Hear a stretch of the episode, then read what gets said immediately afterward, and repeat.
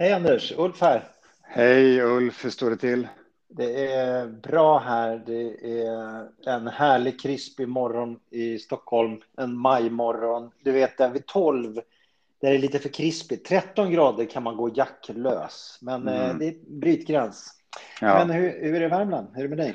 Det det är krispigt och det är grönt och knopparna har spruckit ut och bilarna är fulla med pollen och allergikerna, allergikerna gnäller och jag tycker det är helt fantastiskt. Jag är inte allergisk jag slipper, men ja, det är jättefint. Jag, jag är euforisk. När det är så här nygrönt då vill jag gå upp. Jag vill inte gå och lägga mig faktiskt. Jag vill gå upp tidigt som 17 och sen åka upp med. Eh, på, det finns en höjd borta vid Haga som ingen känner till. Haga kulle, en gammal soptipsrest. Men där uppe så ser man liksom utöver hela Stockholm som vaknar. Mm. Och där kan man sitta själv. Fast du får inte säga det till någon. Det är fantastiskt. Lovar, lovar.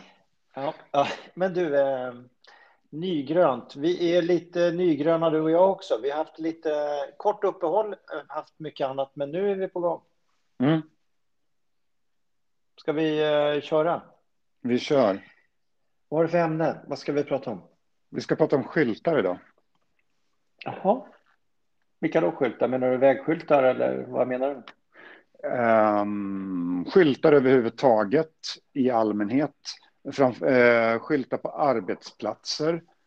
Uh, allting från skylten som säger ha skyddsglasögon på dig när du använder den här maskinen eller mm. gör inte det här när den här lampan lyser mm. till skylten i pentryt där det står att jobbar inte här. Den, okej. Okay. Ja. Men du, eh, hur kom du på det här att du ville tala om skyltar? Har du, är det någonting du har sett? Ja, eh, hemma faktiskt. Vi skaffade studsmatta till barnen. Och... Stora, stora svartblåa saker. Ja, precis. Och det var den minsta studsmattan som fanns och den är fortfarande jättestor. Ja. Eh, och i det så fanns det, förutom att det var tryckt på själva studsmattan vad man får och inte göra, så här, bilder som en tvååring och en fem och ett halvt åring fattar alldeles utmärkt, så följde det med A4, A4-skyltar i plast, fyra, fem olika stycken på olika språk, där mm. det står väldigt detaljerat i löptext, vad, eller punktat vad man får och inte får göra. Och det var hål i varje hörn och det följde med fyra buntband till varje skylt.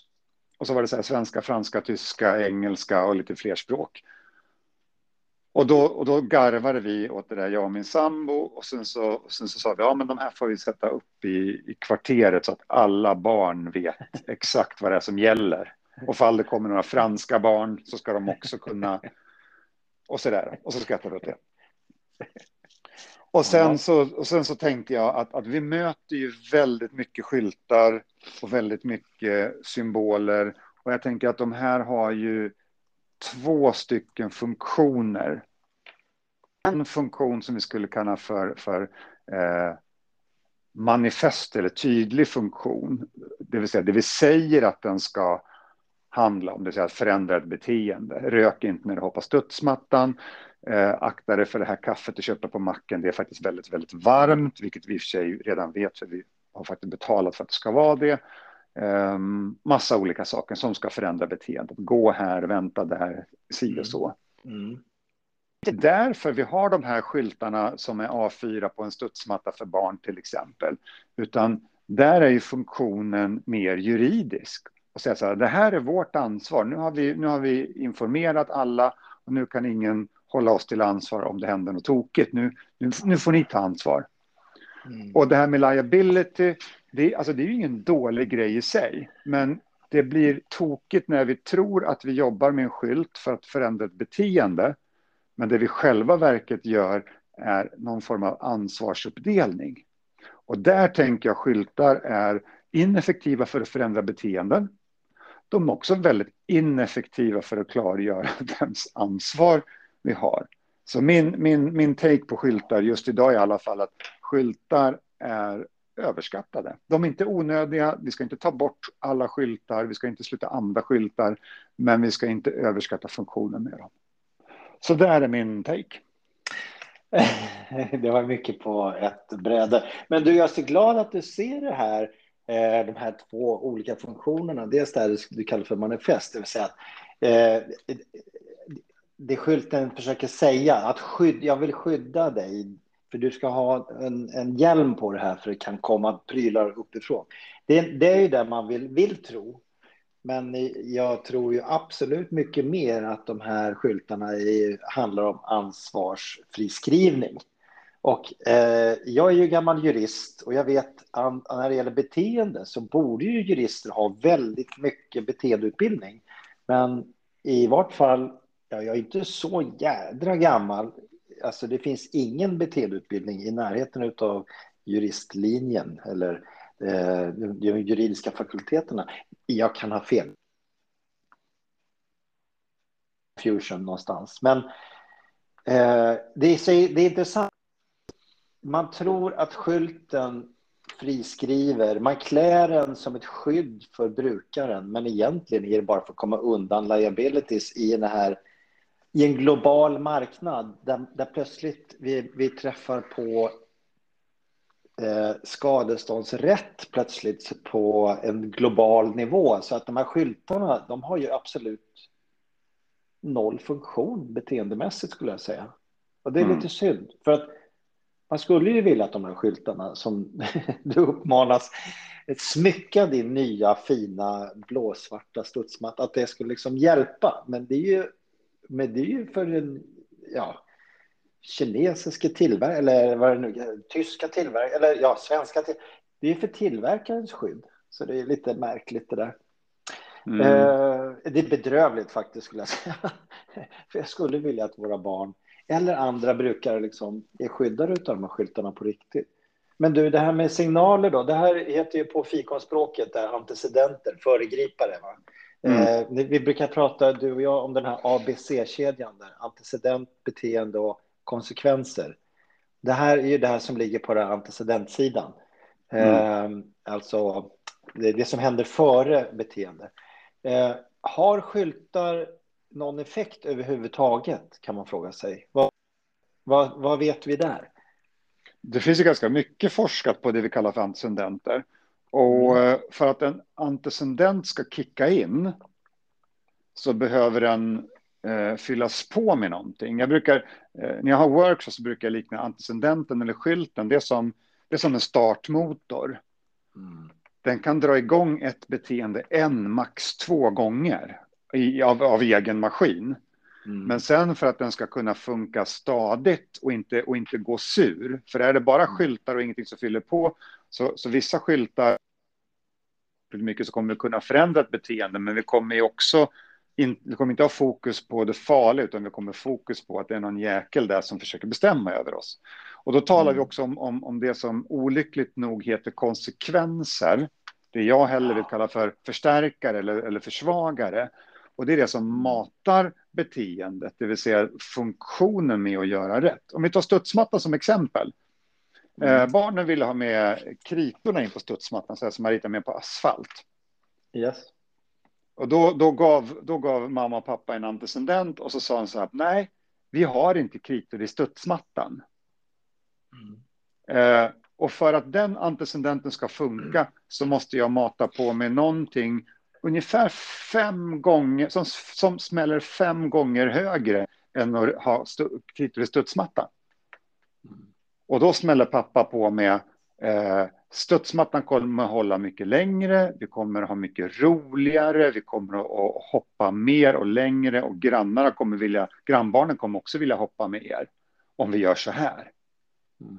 Och, när, och när vi matar på med den funktionen, ja, men då, då, då, då, då ger vi liksom en, en, en mer hållbar hållbar effekt till den här startmotorn. Många gånger kan man rent av hoppa över antecedenten och startmotorn. Inte alltid finnas där. Men, men om, om vi får välja mellan att plocka bort startmotorn och, och, och, den riktiga motorn så är det bättre att plocka bort startmotorn skulle jag säga. Mm. Men, men absolut, den kan funka, den kan för, förändra beteende, men den kan också gå, gå sur. Om vi gör en motormetafor här, att vi, vi kan använda skyltar som en chok. Chok är väl bra när man ska få igång någonting, men har vi för mycket chok så blir motorn sur och människor blir... Mm. Yeah. Man kan ju mata den där skylten med någon form av konsekvens, men det är fortfarande bara ord. Va? Jag tänker på skylten så här, överträdelse beivras. Eh, ja. Den har inte heller någon funktion. Det, det, det, som egentligen spelar roll, det är vad som faktiskt händer kopplat till skylten. Eh, jag har ju gått in på höghöjdslager och annat där det står eh, det är ett kluster av skyltar, bland annat att man ska ha hjälm. Och så kommer jag in på det här lagret, inte någon har hjälm. Och då tänker jag så här, mm, det finns det ingen koppling här mellan hjälmskylten och någon form av konsekvens. Eh, förmodligen så ramlar det för, för sällan saker uppifrån. Det är ju en konsekvens, att man får ont i huvudet eller att man liksom går sönder.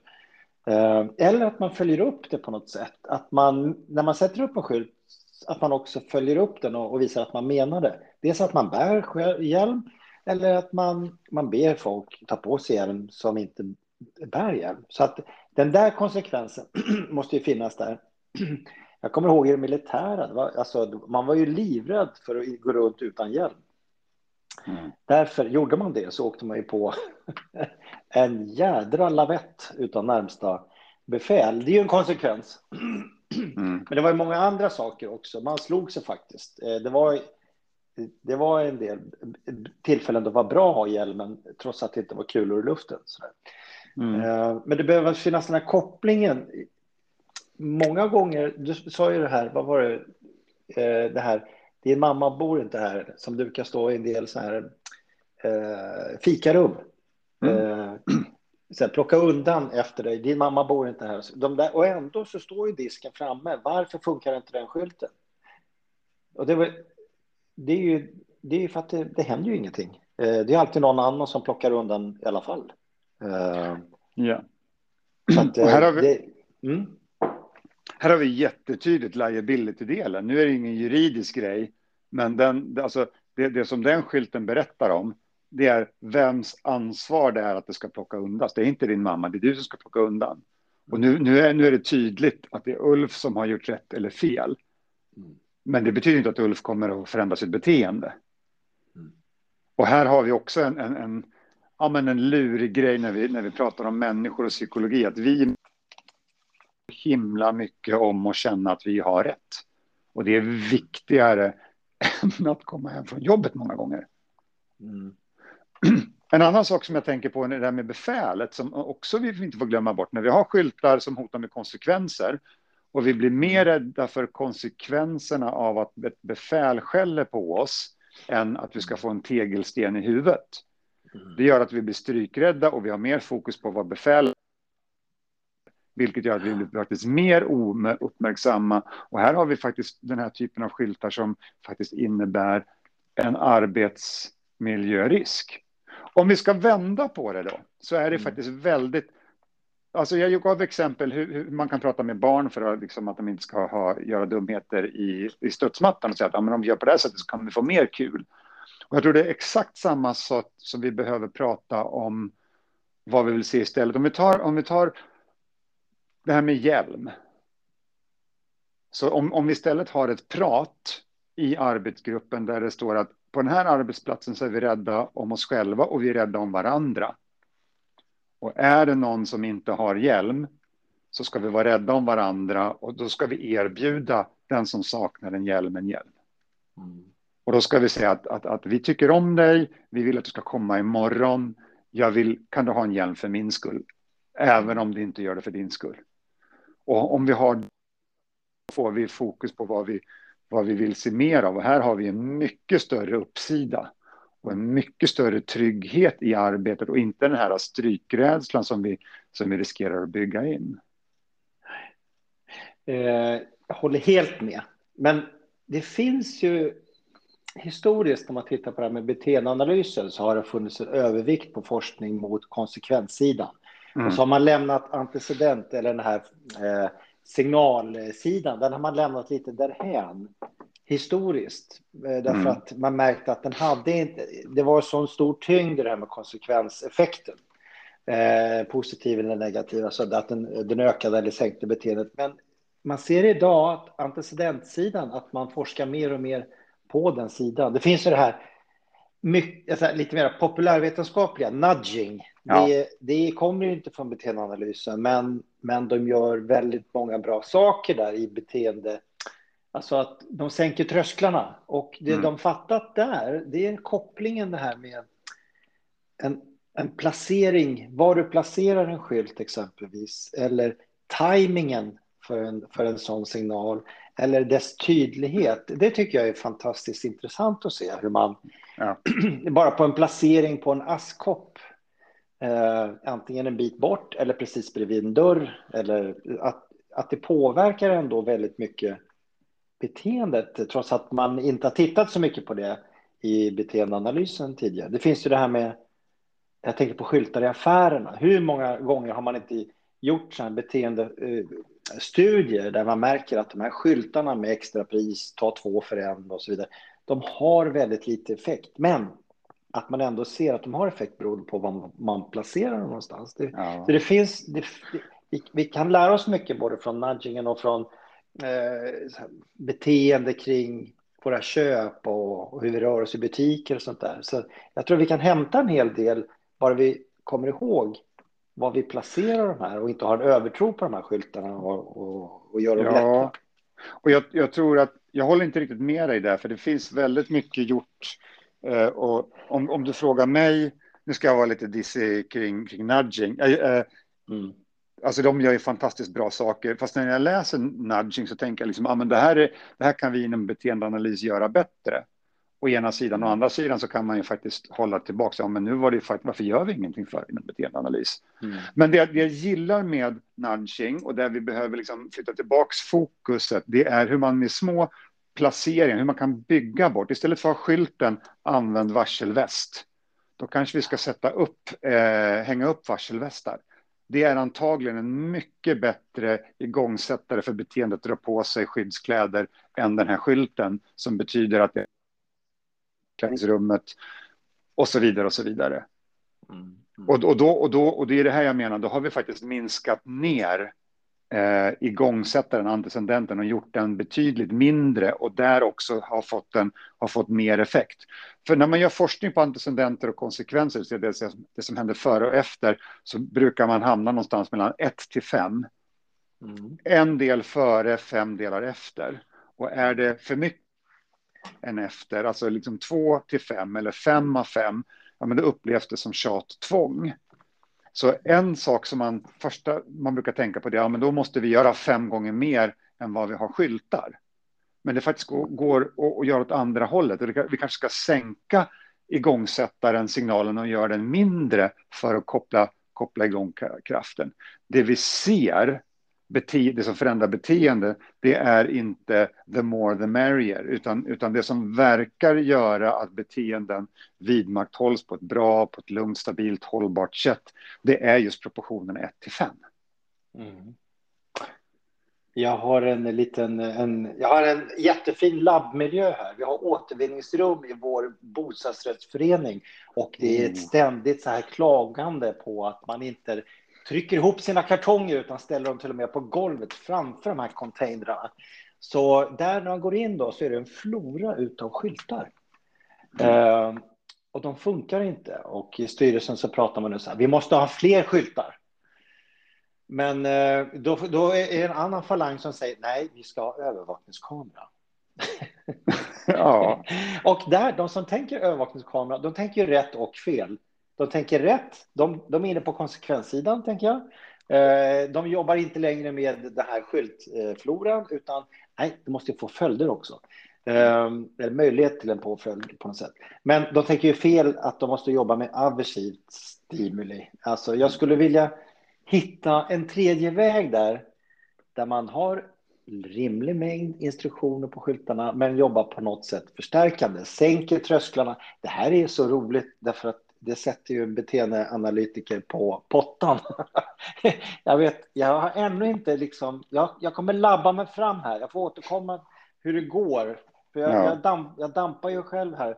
Förlåt. Jag, jag, menar, jag blev galen härom, härom veckan när jag kom ner och någon hade just flyttat och ställt in sju kartonger icke hopslagna och jag hade ju föreslagit den mjuka vägen. Och eh, jag gick in i styrelserummet och sa vi måste ha kameror. Du var den? Jag var den plötsligt. Ja, ja. Du var inte den som sa vi måste ha kameror. Nej, vi har inte råd. Vi tar kameratrappor så folk tror Nej. att de vilket är en, en, en, en, en, en igångsättare, fast man ja. maskerar den som en, en konsekvens. Ja, den är intressant. Alltså jag tror att det, det, man glömmer, speciellt i bostadsrättsföreningar, det är ju att det som, det som biter hårdast på människor är social, positiva sociala konsekvenser. Mm. Att, att, och, och, och, och, det här använder man ju ofta som argument för varför man ska bo i bostadsrätt. Att ja, men, vi känner varandra, vi tycker om varandra, vi tar gemensamt ansvar. Och då tänker jag att ja, men då gäller det att fortsätta och bygga på det. För har man en för stor bostad, jag bodde i ett tag i Sveriges tredje största bostadsrättsförening eh, när jag bodde i Göteborg.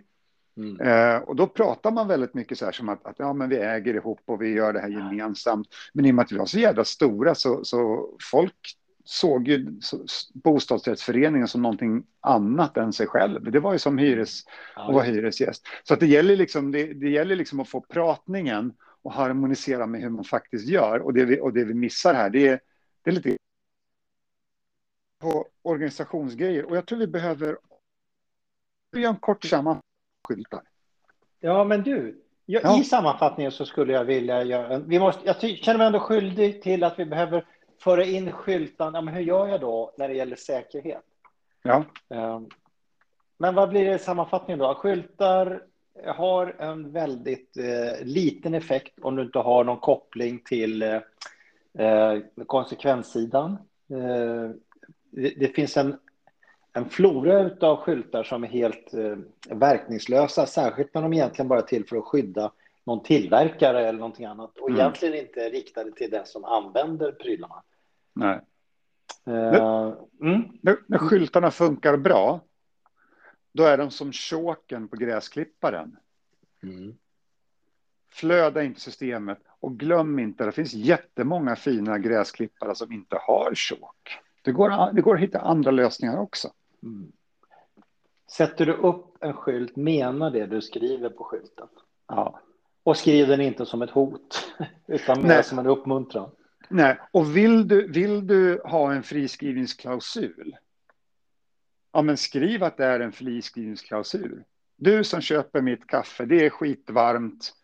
Eh, du vill ha det varmt, men härmed så är det ditt ansvar att se till att du inte bränner dig. Mm. Var försiktig njut av kaffet. Hej då. Ja. Eh, du måste lägga upp en bild på din eh, studsmatta. Jag vill se den där mattan och skylten. Ja, men det ska du få. Jag vill helst se det med alla de här A4 på franska och taiwanesiska. Och... det, ska, det ska vi se om vi kan ordna det. Ja, men du, Bra. all sol till dig då, så ja. stannar vi där va? Detsamma, detsamma. Ha det mm. fint. Vad gott. Hej då. Hej.